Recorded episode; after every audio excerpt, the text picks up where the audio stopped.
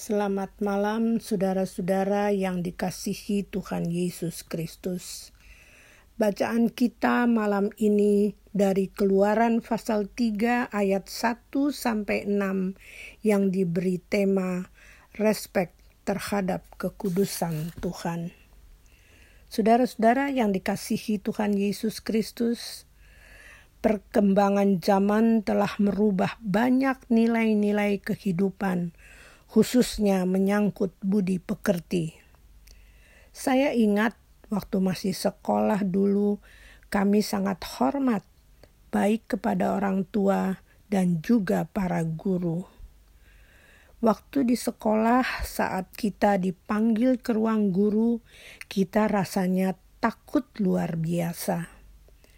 Begitu juga kalau sudah di rumah disuruh tidur siang oleh orang tua kita tanpa disuruh dua kali langsung menurut. Tapi saat ini kita mendengar ada guru yang dipukul oleh muridnya. Ada orang tua yang dibiarkan dan tidak dirawat oleh anaknya. Waktu berlalu, zaman berubah dan nilai-nilai kehidupan juga mengalami perubahan. Begitulah adanya. Firman Tuhan memberi gambaran tentang bagaimana Tuhan Allah harus diberi penghormatan yang tinggi. Dituliskan bahwa Tuhan Allah menemui Musa di padang gurun dalam bentuk semak duri yang menyala. Ketika Musa menghampiri semak duri itu, Tuhan Allah berseru agar Musa jangan datang dekat-dekat dan harus melepaskan kasutnya, alas kakinya, sebab tempat di mana Musa berdiri adalah tanah yang kudus. Itu menjelaskan kepada kita bahwa tempat di mana Tuhan Allah menyatakan kehadirannya adalah tempat yang kudus. Kekudusan Tuhan harus dihadapi juga dengan kekudusannya. Di manakah pada masa kini Tuhan Allah menyatakan kehadirannya? Tentu bukan di padang gurun, dan lagi di sekitar kita saat ini kan tidak ada padang gurun. Jadi, di mana kita dengan mudah dapat mengatakan tempat Tuhan menyatakan kehadirannya adalah di gereja. Memang betul, salah satu ya adalah di gereja. Kalau memang begitu, apakah kita sudah menyatakan rasa hormat kita yang tinggi kepada Tuhan di gereja? Sudahkah kita sungguh-sungguh memuliakan Tuhan di gereja?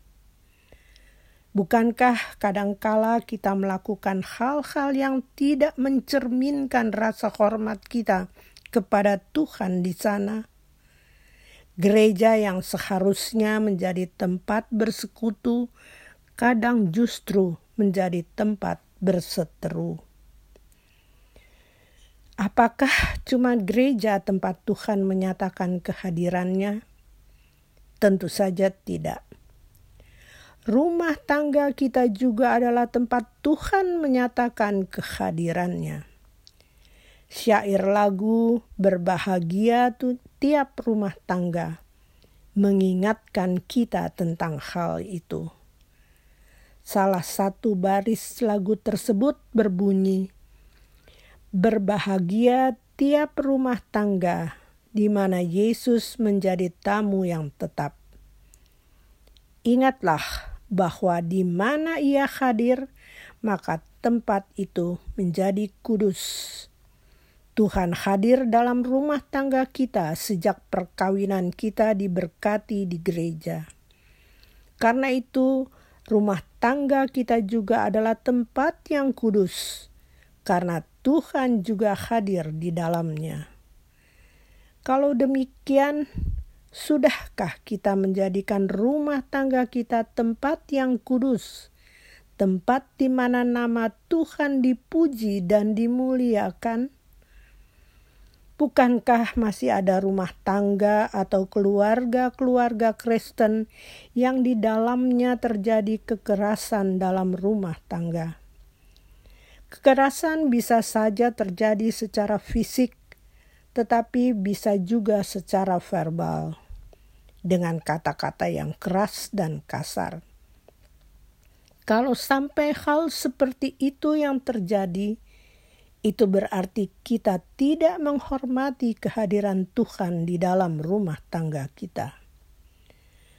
Bagaimana mungkin rumah tangga yang demikian akan diberkati Tuhan?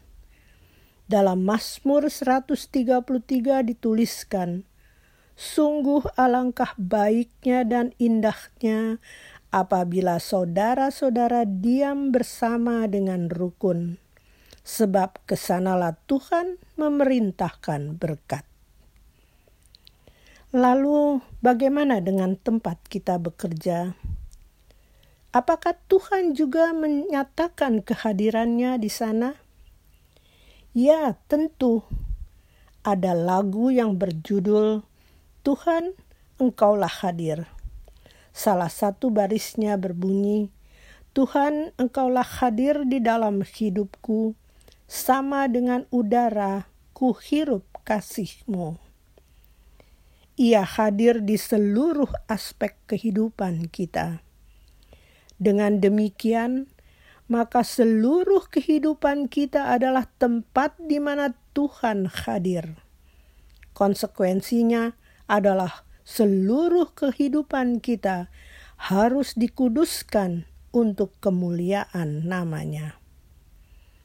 Saudara-saudara yang terkasih, saat ini kita baru saja merayakan Paskah. Peristiwa di mana kita diingatkan akan kebangkitan Kristus. Kebangkitannya merupakan pernyataan kemenangannya atas maut. Paskah adalah dasar dan titik tolak iman Kristen dengan kemenangannya itu, kita juga harus menjalani kehidupan yang berkemenangan. Menang untuk selalu menguduskan namanya di seluruh aspek kehidupan kita, baik di gereja, di rumah tangga kita masing-masing, di tempat pekerjaan kita, bahkan di seluruh kehidupan kita. Tuhan Allah yang kita kenal dalam Yesus Kristus Juru Selamat patut dipuji dan dimuliakan di sepanjang hidup kita. Tuhan Yesus memberkati kita sekalian. Amin.